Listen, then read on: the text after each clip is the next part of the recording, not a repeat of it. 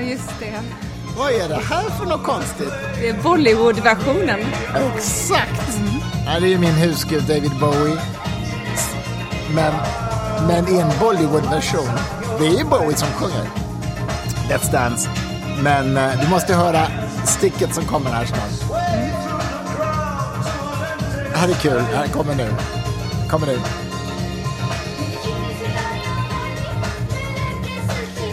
Alltså, var man inte glad innan så kan man inte låta bli att bli det. Nej, jag vet! Det här det är Det är toppen. Okej. Det är väldigt, väldigt... Han han eh, leva och höra den här? Vad sa du? Han han höra den här innan han Ja, dog? oh ja, den här är ju... eh, Har han Oh ja. Den här är ju... spridit den själv också?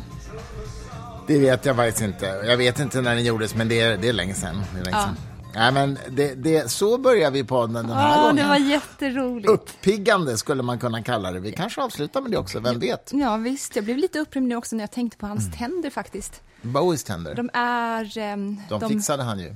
Ja, det gjorde han. Men var- han fixade dem ju inte till att bli perfekta. Han hade ju varg, varggrinet kvar. Ja, Jag gillar varggrin. jag tror han, jag undrar när han fixade det. Det var nog någon gång på slutet på 70-talet kanske. Mång, mm, För när han, när han gjorde också. Let's Dance 83, då hade han ju fixade tänder. Men de var ju väldigt konstiga på de tidiga bilderna. Ja, men det var de ju. Du har väldigt jämna tänder. Jaha, ja. Har du haft tandställning? Nej.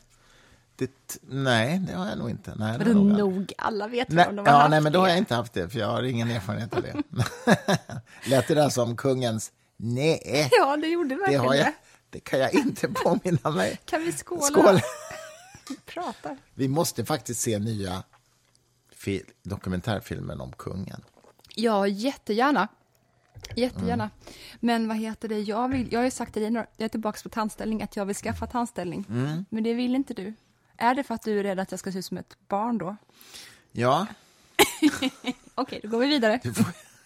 Jag menar, det kommer ju inte minska eh, problemet med att du ska visa lägg på Systembolaget. Eh, vad heter Tom Cruise skaffade ju faktiskt. Ja, Han men han ser ut som ett barn hela tiden. Så det, det är ingenting. Ja, ja. Nej, det var God. för, jag förstår inte varför du ska ha tandställning. Det låter jättekonstigt. Det låter som någon sån här David Cronenberg-noja. Vem är det? David Cronenberg, det är väl han som gör de här konstiga filmerna som hela tiden handlar om såna här kroppsmodifikationer. Hans senaste skräckfilm är ju någon sån här kirurg-fantasi. Är det sant? Jag är helt lost på det. Jag vet inte vem det här är. Lost in translation. Gud. David Cronenberg. Jo, men han, gjorde, han gjorde väl en film som heter Crash. Alltså det är ju du som är filmmänniskan här. Han gjorde väl Flugan. Crash?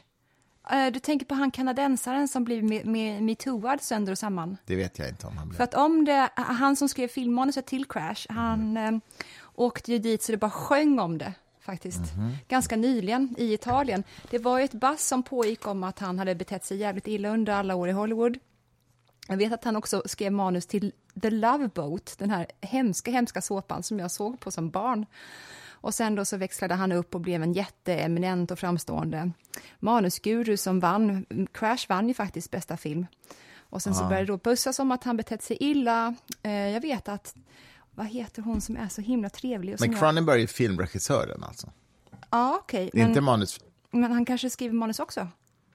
Ja, det vet jag inte. Men han var filmregissör till Crash. Okej, men kan du kolla vem som skrev? Ja, det här är inte så jävla spännande. Flugan, du vet, med eh, The Fly. The Ja, Fly. precis. Den var ju han också. Precis, Så med att, och han- Scanners, ja, han har ju gjort massa grejer. Men, eh, Hmm. ja, ja, hur kom vi in på det? Jo, men han har en sån här fixering vid kroppsmutilations på något sätt. Och, mm, ja, mm, ja. Nåväl, detta Här är vi i alla fall, är fredag, vi är fullspäckade utav eh, varandra och veckan. Vi Ja. är på vippen till att eh, snart, snart gå upp och laga- mat, jag säga. Det är, det är vi ju inte alls, vi ska ju prata För en stund. ovanlighetens skull, eller vadå? Hur mår du, Stu-Mike? Mm, Ja, men jag mår bra. Jag eh, ser, ser fram emot, även om det här är eh, så att säga, privat, så jag har ingen emot att dela det. Jag ser fram emot imorgon då vi kommer ju ha en lite speciell middag här hemma hos oss med den man som jag växte upp med som styvfar när jag var tonåring. Han heter Mats och eh, en, en person som har betytt väldigt mycket för mig intellektuellt i, min, liksom, i mitt tänkande och sådär. Han var på den tiden politisk journalist och lärde mig att bli nyfiken på, på, eh, ja, på samhälle och politik och inte liksom gå på de enkla flosklerna. Så där. Han blev min styrpappa när jag var tio år kanske. Och sen så skilde sig de när jag var, ja, vad var jag, 15, 16, 16, 17 var jag nog. I alla fall, sen har han haft ett excentriskt liv och seglat världen runt på en egen segelbåt i många, många år, kanske 15-20 år. Eller något. Ensamseglare. Ensamseglare, men han har haft passagerare ibland sådär, occasionally, men eh, eller någon att segla med, men huvudsakligen så har det varit han och hans båt. Och, det, det är väldigt, och vi har haft kontakt genom alla år. Liksom. Det är inte så lätt att ha kontakt med en ensamseglare, men liksom sporadisk kontakt. Han hade en internet, eller vad heter det, satellittelefon på båten som han kunde skicka e-mail ifrån, så att vi mejlade ibland och sådär. Mm. Nu är han tillbaka i Sverige sedan några år. Han är väl 83 eller 84 år gammal. Mm. Han kommer på middag imorgon och det tycker jag är väldigt roligt. Och jag ska få träffa någon som jag kan prata med om Du har aldrig dig. träffat honom ju. Jag vill ju höra så mycket om hur du var när du var barn, såklart. Mm. Såna Det, finns, saker. det ligger i farans riktning att han kan berätta om det. Jätte, jättehärligt. Och eh, det, ja, det är faktiskt roligt. Han fick, han fick ju barn ganska sent i livet, så han har ju en eh, Ja, sådär 16-årig... gyllen, Gyllenhammar-sent. Ja, han har en 16-årig pojke med sig Han imorgon var på 70 middagen. då när han fick barn, ungefär. Ja, ja, något sånt. Alltså det är sju, jag tycker det är så svårt att tänka att när, 68. när man Mm. tänker sig en 68 eller 70-årig man, då tänker man ju att den personen är ju inte gammal, den är ju bara vuxen. Och eh, det är så märkligt att då tänka att efter det går så fort till att bli gammal sen. Eller att man börjar registrera en person som Jo, gammal. jo, ja, visst, jag förstår vad du menar. Ja. Ja, men, eh, han fick ju barn i, när han jag hade seglat till Colombia, träffade en kvinna där. Mm. Eh, och nu har han själv hand om det här barnet nu som, som hänger med imorgon. Det är roligt. Och eh, eh, det, det, det är roligt för att han väckte verkligen mitt intresse för samhällsfrågor. Han lärde mig att liksom se alltid saker från båda sidorna, båda partiernas håll eller båda, både regeringen och oppositionens håll. Liksom och så där. Och du vet, Jag var ju jätteliten, jag visste ju ingenting om det.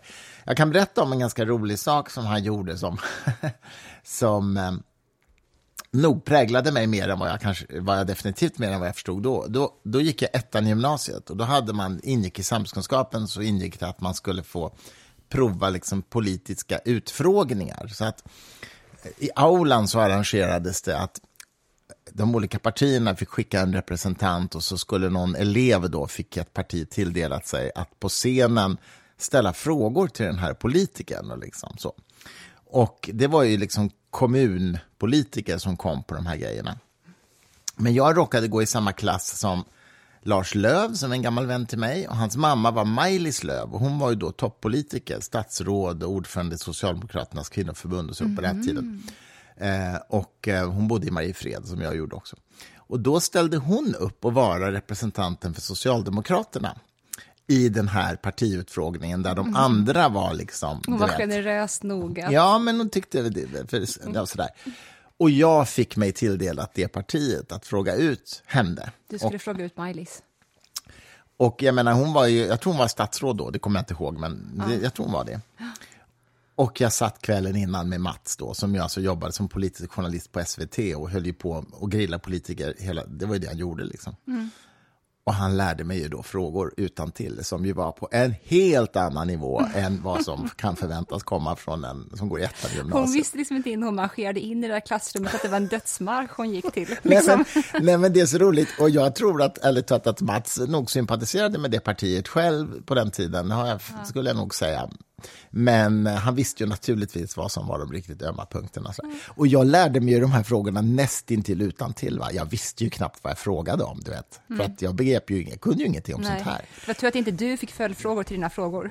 Exakt. Men jag minns att jag kände mig så stolt över det här efteråt. Liksom, att ha kunnat göra det här skådespelet som ju var en charad. Det var ju en kuliss. Men du började, Men ändå. jaga, den, du började jaga den känslan kanske igen, så småningom i livet. Ja, för jag gillar ju att debattera. erfarenhet. Ja, men precis. Och, eh, och det där gjorde nog någonting med mig. Liksom, att, eh, ja, jag vet inte, men Det i alla fall. jag, jag vet att du kommer hata den här metaforen, men det Mm. sägs ju att när man som golfspelare slår sitt första riktigt rena slag, då får man lika mycket eh, glädjehormoner utduschad i hjärnan som ungefär när man drar en lina kokain. och jag kan tänka mig, inte för att jag vet något om det, och jag kan tänka mig att du fick ungefär samma sån skjuts i huvudet också. Mm, det, det fick jag i alla fall. Mm, precis. Och det värsta är att det var ju helt, helt orättfärdigt, för det var inte jag som var duktig. Jag hade ju bara haft en informatör Ja, du, var som var modig, jävligt du var ju duktig. modig nog att ändå våga genomföra det och hålla ihop det. För att, Ja, möjligen kan man väl Ja. säga det. Mm. Ja, men det är bara ett väldigt roligt minne. Jag har inte träffat Mats på sex, sju år kanske, men eh, det ska bli väldigt kul imorgon faktiskt. väldigt, han jobbade ju då med en annan Mm. återkommande gäst i vår podd som tyvärr gått bort och det är Åke, Åke Ortmark. Ja, det gjorde han, precis. Mats gjorde ett samhällsprogram som hette Studio S på den tiden, som var en föregångare till, ja, vad ska vi säga, Agenda, kan man säga. Eller 30 minuter som det är nu. Ja, Alltså den typen av granskande program. Och, så tog de, och jag minns det så väl. De, de gjorde ett förarbete som var ungefär som Uppdrag granskning i någon speciell politisk fråga. Och sen bjöd de in då ansvarig politiker till studion för en grillning. Ja. Och jag var tio år och satt i kontrollrummet på SVT. För jag fick följa med Mats liksom när de hade, det var direktsänt förstås. Ja. Så jag fick följa med och se när de tände upp de här strålkastarna i studion och så var det en vignett som var så här... Alltså, jag kan det här utan till. Det finns något Studio S på eh, SVT Arkiv faktiskt på webben. Så tänd, eh, även i vignetten så tänds strålkastarna i studion så här successivt. Och det kommer jag ihåg, jag satt i kontrollrummet. Det, vet, det var som att vara på en premiär, du vet, teaterpremiär, fast det var på riktigt. Ja. det var... Det var jag längtar I will not efter- forget it. Och nu blir jag en sån där person som jag egentligen inte tycker om uh, när andra är. Och det är någon som ser tillbaka i nostalgi, eftersom jag Mm. alltid hävdar att allt är ungefär likadant jämt. Men är det någonting som jag eftersöker, och det kan ju Mm. bara vara så att min uppfattningsförmåga är eh, missriktad. Jag längtar efter landsfäder. Riktiga sådana där personer Per som... Albin Hansson, typ. Nej, men nu tillbaka. tänkte jag faktiskt på Åke Ortmark. Ja. Alltså en auktoritet som alla sitter och lyssnar på. Och man vet om att den här personens bedömningsförmåga och den personens analytiska eh, förmågor är verkligen pålitliga och vi kan sluta upp bakom den här personen nu tillsammans, kollektivt, oavsett vilket parti man eh, röstar på eller var man befinner sig på den ideologiska skalan. Ja. Eh, det hemska är ju att den enda landsfadern som jag kan komma, apropå kungen också, enda landsfadern jag kan komma på att vi har här i Sverige, det är så deppigt, vet du vem det är? Nej. Det är GV. Leif GW Persson. Ja, men han är ju det enda vi har. All, oavsett klass, bakgrund, oavsett vad man är ideologiskt, alla är så här, GV, berätta nu vad du tänker. Så är det det vettigaste. Och vi bara lyssnar på dig. Jag kanske inte blev jätteimpad i Agenda häromdagen. Nej, det var ju fruktansvärt. Det Jag blev- säger, alltså det var ju Mm, det var extremt slappt. Och det, var också så, det var ju Anna Hedemo. Hed, Säger man Hedemo eller Henemo? Hedemo. Hon faller, följer in, tycker jag, i vad alla journalister faller in i och det är att de bara inte vågar trycka på honom. Man skulle bara säga, nu är du tyst din jävel. Mm. Och hör, nu lyssnar du på vad, vad jag har att säga istället. Käften på dig nu bara, GV. Nej men någon behöver trycka dit honom, jag blir vansinnig. Du skulle kunna det, faktiskt. Och det är för att du besitter någonting, det här kan vi analysera lite grann kanske. Tycker du? Varför blir du inte rädd för andra människor som andra blir rädda för? Vad är det för fel på dig? Ja, men alltså rädd för. Ja, folk blir livrädda för GV. De blir rädda för GO. De blir rädda för alla du har debatterat mot i Svenska kyrkan. De blir rädda för, vad heter han, Pa- Ulf Ekman. De här Ekman kan man inte bli rädd för. superauktoriteterna. Han är, ju- ja. Mot dem valsar du in och bara trycker på dem, höll jag på att säga. ja, men... Ja, jag har inget att säga om detta. Du Jag vill inte rädd. själv analysera dig Nej, jag själv, vill inte- alltid jag vill inte inför. Alltså, eh, jag vet inte varför man skulle vara rädd för de här människorna. Alltså Mm. människor med mer eller mindre knasiga idéer. Det- enda man kan göra är ju att vara trygg i sina egna sakargument. Och håller inte dem så, så får man ju backa. Och håller dem så... Mm, det är så bra. Ja, men alltså, jag vet inte. Är du rädd för Ebba Witt-Brattström? Jag har nog aldrig pratat Men Bara tanken på Ebba Witt-Brattström, blir du rädd för henne? Men har jag berättat... Nej, det blir jag inte. Men har jag berättat för dig om när jag debatterade mot Marcus Birro en gång på ABF? Mm, Men jag vill att andra ska få höra det också. Ja, men det, var- det var så att säga ett av mina eh, få, höll jag på att säga, det lät jävligt kaxigt. Kaxigt. Ett av mina få misslyckade, misslyckanden som debattör. Nej, men det var så roligt. Han var krönikör i Expressen då och han hade skrivit en del väldigt raljanta, dumma krönikor där han eh, raljerade nedlåtande mot sådana som var sekulära humanister som han kallade ateister bara för att han avfärdade liksom som bara så Mm. trams. Och han skrev, det, det var liksom ganska grovt nedlåtande. Ja. Och jag hade ju förberett mig eh, då i debatt mot honom där jag liksom hade verkligen skriv, klippt ut de här meningarna och liksom i debatten citerade jag honom och sa varför skriver du, alltså vad menar du med att skriva så här? Jag hade ju verkligen förberett det där. Och han svarade bara, ja det var jättedumt, det borde jag inte ha gjort, förlåt. och då liksom bara, okej, vad säger man nu? det var ganska skit, det var ganska smart. Det finns en person till som jag vet skulle kunna logga in i det greppet. Vem tror du det är? Jag vet inte. Det är jag faktiskt. Okej. Okej. Jag har, verkligen, jag har verkligen tidigt i livet, och detta ska man ju inte göra såklart om man inte menar det, för då är man ju en förljugen människa, och en förljugen människa växer inte, och en förljugen människa utvecklas inte, och jag vill verkligen också pompöst utvecklas. Så därför eftersträvar jag att vara så uppriktig som bara möjligt hela tiden. Men jag förstod väldigt tidigt att herregud vad eh, det möjliggörs mycket, mycket rikedom genom att lägga sig platt ibland. Och eh, det, det hemska, jag säga, men jag menar snarare det fina är ju att när man väl gör det, man sänker garden helt och hållet och visar halsen, där uppstår sen ett otroligt samtal efter det. Så är det Jag nog. fattar inte varför fler inte gör det. Så är det faktiskt nog. Varför politiker in i det sista ska liksom hålla på och ljuga om ålar och skit. Bara erkänna att du har fiskat ål. Ja, ja. Alltså, du vet med de dummaste sakerna. Säg som det är och säg förlåt.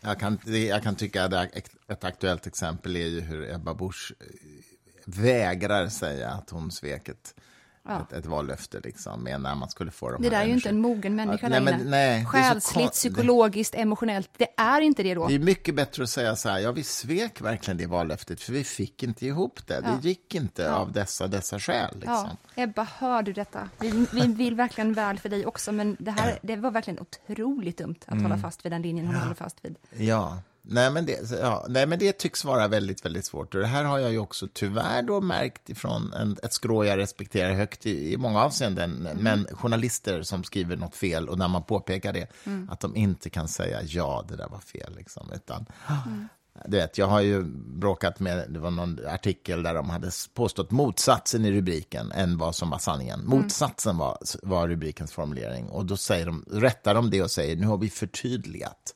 Nej, ni har inte förtydligat.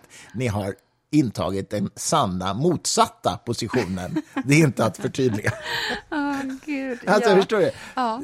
Det är så slirigt. Va? Det är ju en, det är en sån tydlig markering för att det är en svag karaktär man har att göra med, tycker jag. Att man inte kan erkänna fel. Och att man låter egot rida en, för det är ju verkligen så. Och därmed förstöra. Det är ju en destruktion som pågår när man låter egot hålla på och rida runt på det här viset. Det är det värsta jag vet.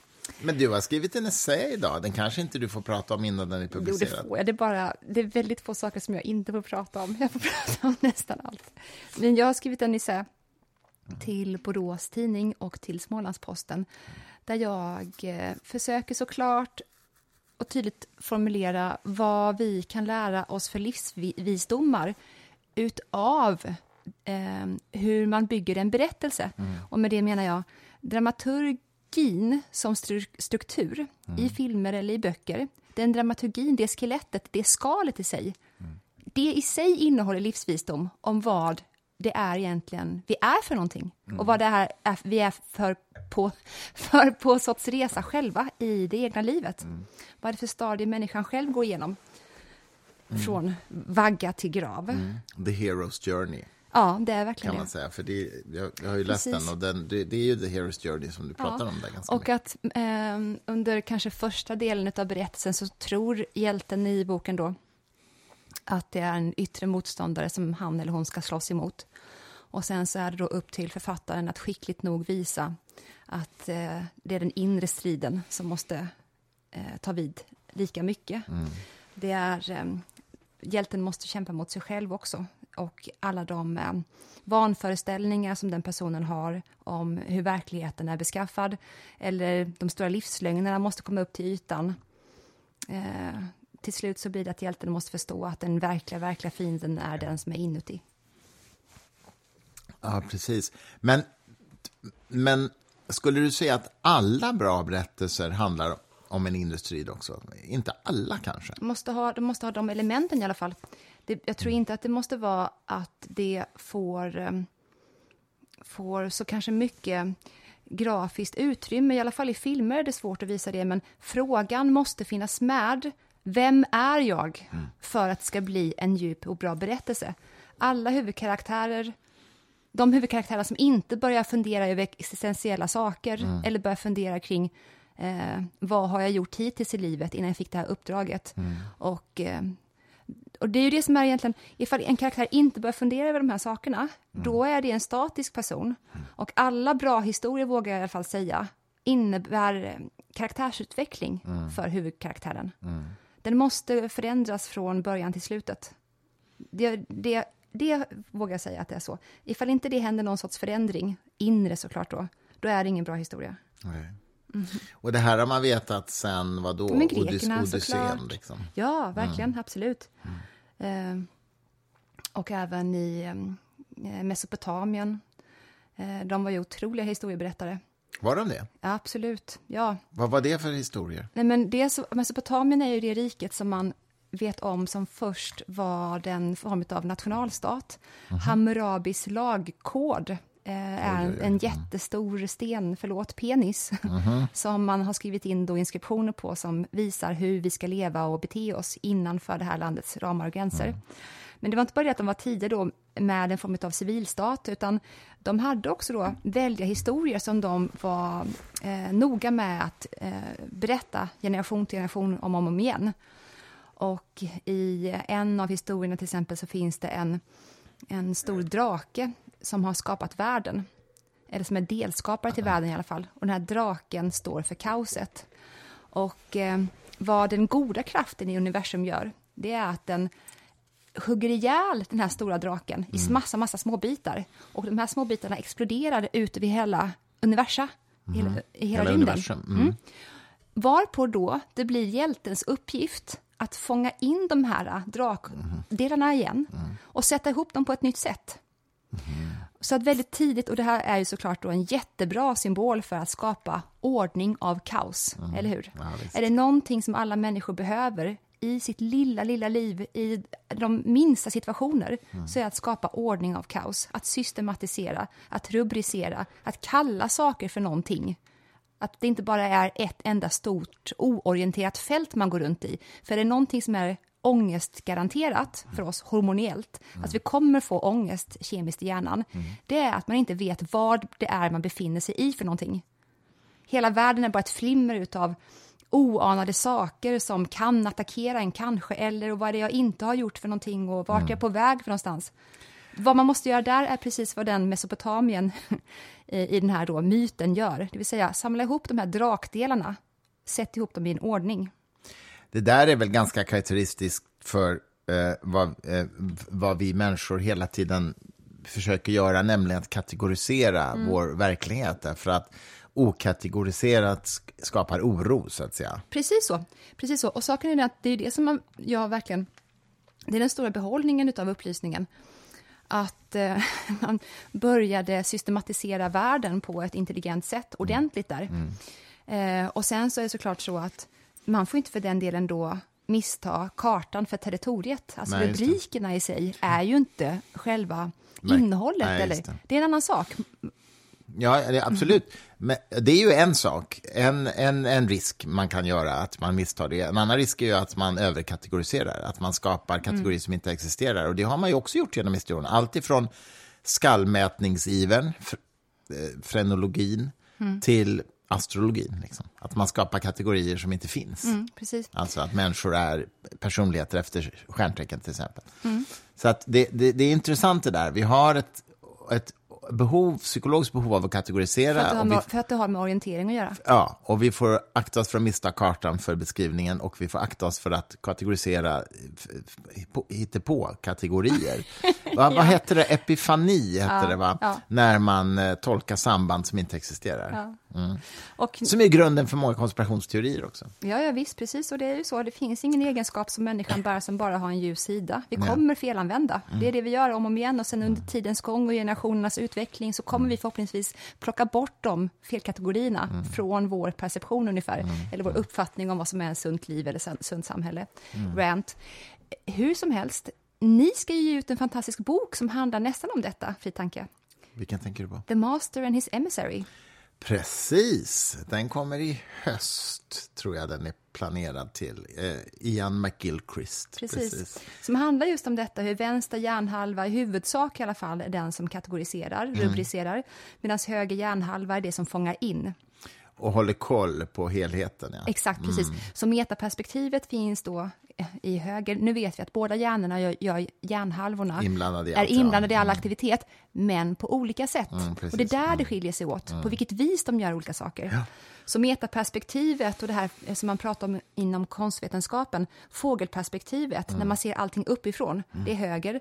Medan då det nitiska, eh, Mm. det explicita, det eh, konkreta är vänster hjärnhalva, som Mm. då vill kalla, mäta, eh, rubricera. Ja, men precis. Det där är ju superintressant. Och han har ju eh, teorier, de är väl i och för sig omtvistade, men de är väldigt intressanta om att det här har påverkat hur vi har format vår kultur och vår civilisation och sådär. Precis så. Eh, och det är ju, det är ju, det- ja, nej men det är jättespännande. Det här, det är ju nästan en kultbok. Ja, det har kommer ju blivit det. Vad sa du? Det har blivit det, ja. Vi kommer ju bjuda hit honom och, Mm. och skapa någon form av panelsamtal och förhoppningsvis både med kritiker och bejakare utav hans idéer så att vi verkligen kan få ett kul samtal om det här. Det är, vet du var boktiteln kommer ifrån från början? The Master and His Emissary. Nej, du kanske har berättat för mig, men jag minns inte. Nietzsche. Jaha. Det är en historia, eh, en, en saga som Nietzsche antingen fångade upp någonstans och sen vidareutvecklade eller så hittade han på den själv. Och det handlar då om den här kungen i sitt rike som skickar ut sin budbärare för att undersöka saker i världen åt honom. Så att... Eh, Nietzsche alltså. den Vad här, roligt. Jag vet. Så att budbäraren är ju då vänster hjärnhalva, den som Eh, kommer tillbaka och kategoriserar. Men vad som är intressant i den här berättelsen och som inte kanske är... Eh, mm, det är inte en helt enkel sak att skapa någon form av slutsats kring. Det är att i Nietzsches historia i alla fall så eh, är det så att mästaren är väldigt noga med att informera budbäraren om vad han ska berätta och inte bör berätta. Mm. Därför att från den stunden som mästaren får höra om vissa saker, om hur det är där ute i riket, riket då kan han inte frigöra sig från vissheten om det han nyss har fått höra. Och det kommer därmed också då forma hans perception. Och hans vishet hur han bör ehm, eh, göra den till handling kommer bli infiltrerad utav kunskap nästan.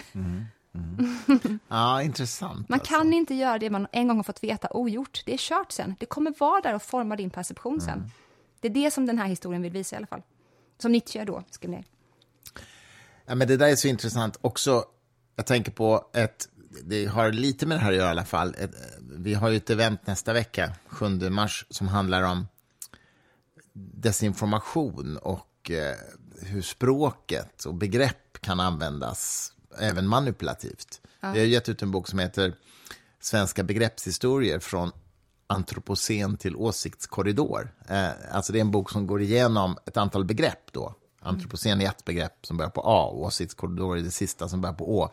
Men som går igenom vad de här begreppen har för konnotationer, alltså vad de har, vilka, vilken betydelse de bär med sig utöver det de exakt precis betyder. Förstår du vad jag menar? Ja, verkligen. Och det där är, tycker jag är så himla intressant, här, för att det där är ju en del av Lars Gustafssons berömda formulering, problemformuleringsprivilegiet, att vilka, vilka begrepp man väljer på, att använda påverkar ju hur mottagaren tar emot budskapet. Och, och ta till exempel, för att ta något jättebanalt exempel, om man säger, till exempel om man säger löneklyftor, så är det ett begrepp som används mer av vänstern än om man säger löneskillnader. För löneskillnader låter liksom neutralt, men klyfta det är ett stort oöverko- Men ett stort gap. Liksom. Klassklyftor är ju någonting som i huvudsak vänstern pratar om. Ja. ja, just det. Men, alltså, jag, men jag menar också att de säger hellre löneklyftor eller klassklyftor än löneskillnader och klasskillnader, säger de inte, för att det låter mjukare. Klyfta är liksom någonting oöverkomligt och det, det gynnar så att säga vänsterns perspektiv. Och du kan vända på det också och säga samma sak ur ett högerperspektiv. Om du talar om skatt, en skatt, skattekvot, det är ju den tekniska formen, eh, eller tekniska ordet för hur stor andel du betalar i skatt helt enkelt. Men högern säger hellre skattetryck. Därför det är liksom, det är hårdare. Mm. tryck är ju något Inte för obehagligt. att, in, ja, för att de, de, de är the gatekeepers som ska hålla ner det här trycket. Ja, exakt. Och då väljer man hellre ordet tryck än kvot. Och vad jag försöker säga är att man, ma- vilka ord man väljer är inte betydelselöst verkligen, utan de bär med sig liksom en massa konnotationer utöver exakt vad de betyder. Absolut. Och vi, vår, det event vi ska göra om det här 7 mars handlar dels om den här boken, men också om att det här är också någonting som används av dem som har desinformation som syfte och agenda, så att säga. Ja, ja, ja. Desinformation Alltså, som är en stor ju- sak just nu i världen. Det där används ju i relationer konstant. Ja, det är klart. Och man gör det inte heller för att man gör det inte när det heller är helt uttalat för en själv. Man vet inte om att man gör det. Nej. Du växlar språk så som du växlar färg beroende på vem du pratar med för att du vill bli hörd och få genomslag i det du vill. Mm. Det, det är, eh, vi, är, vi är pamfletter vi människor som kan byta språkspel hela tiden beroende på vem som står inför en. Ja. Jo, så är det ju. Och i många fall måste, måste man ju också tala på ett sätt som mottagaren förstår. det. Alltså om man föreläser för en kategori och en annan kategori så måste man använda Ja, men om olika jag ord. pratar med dig så kommer jag prata på ett sätt. Om jag pratar med vår granne kommer jag prata på ett annat sätt. Jo. Det är olika. Jo, så är det Såklart. verkligen. Apropå det, eller inte apropå det alls egentligen, för det har ingenting med saken att göra, men jag är ju just nu inblandad i en spännande strid som ska, Berätta. kommer innebära ett överklagande till förvaltningsrätten. Nej, men det är ju så, det är så Ska vi roligt. bara fylla på lite mer bubbel Ja, först? tack. Är inte det en jättebra idé? Det är en väldigt bra idé. Gör det du. Men kommer våra lyssnare åka vänta på oss? Jag kan tänka mig klippa bort pausen, men om du hämtar Jag gör det.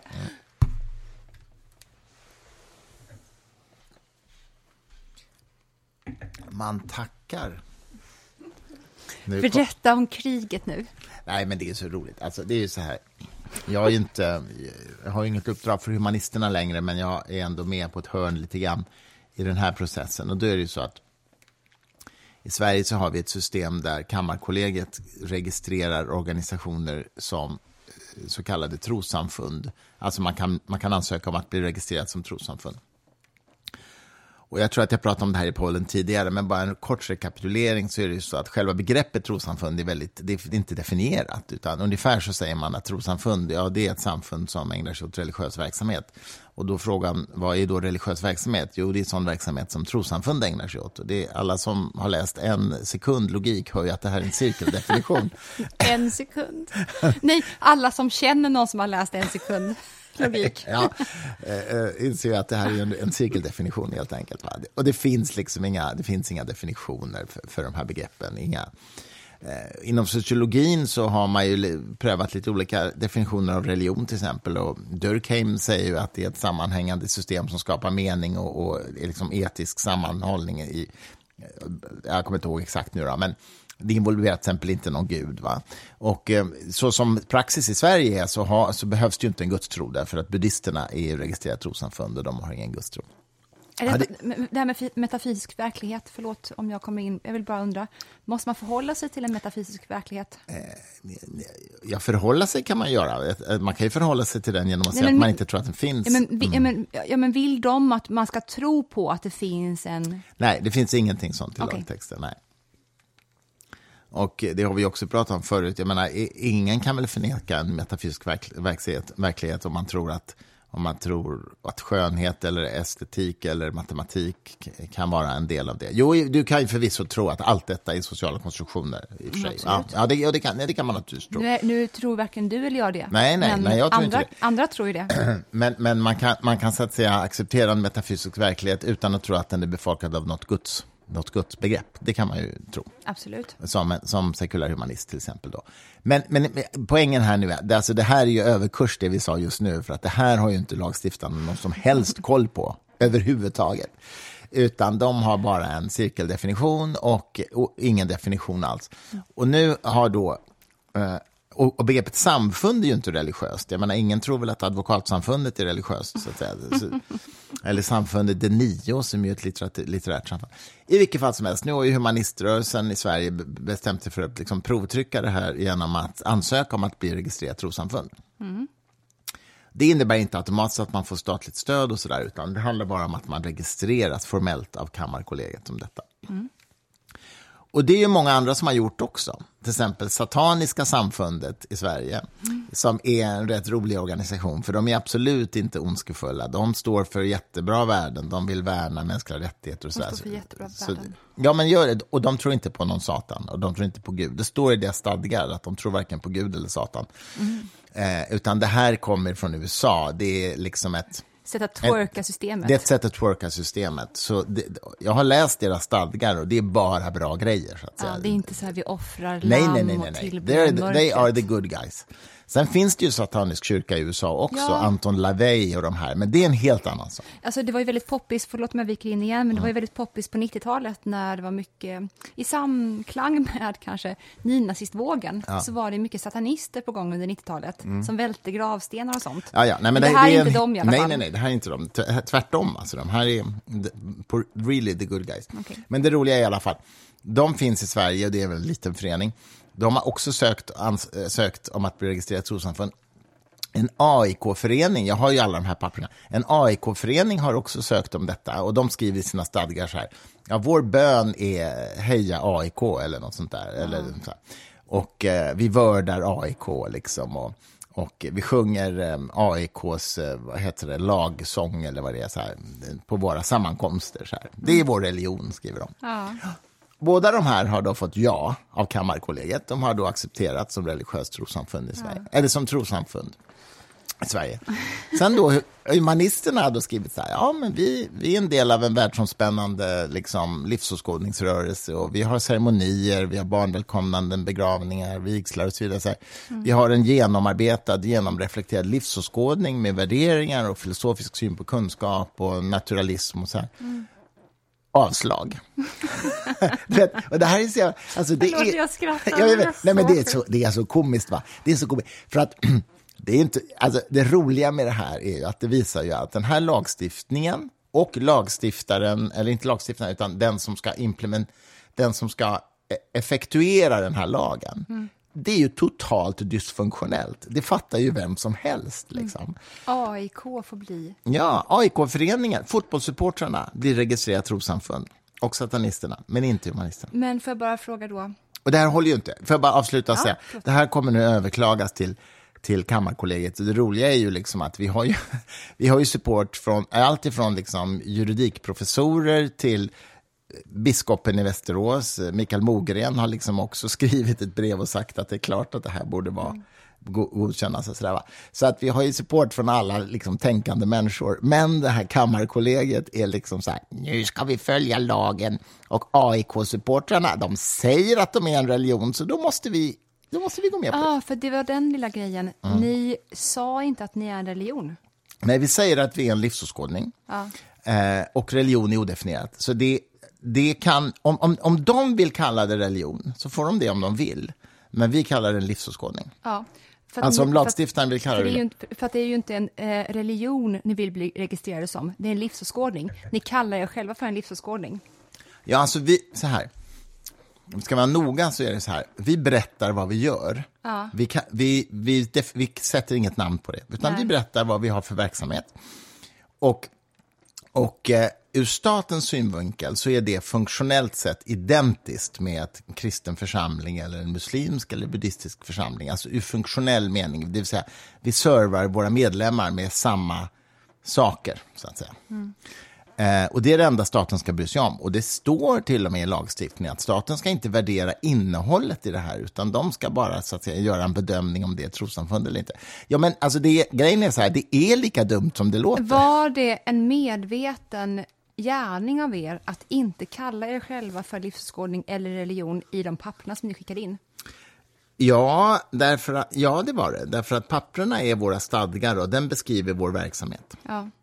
Men, och, du, jo, men, det, men, mm. mm. det finns en rolig... Det, de avslog ju det här nu, va? De sa alltså nej. Och de motiverar då det med att säga, därför att det, ni, Därför att ni säger i era stadgar att ni inte är en religion, säger de. Mm. Och det är så att säga formellt sett inte sant, för vi säger inte det någonstans nej, alls. Nej. Men däremot säger vi att vi förespråkar en sekulär värdegrund och mänskliga rättigheter. Och, så här. och det gör att de tänker att då tänker de det. det och, det och det roliga då i vårt överklagande, så säger vi så här, ja, problemet är bara att Svenska kyrkan säger det också.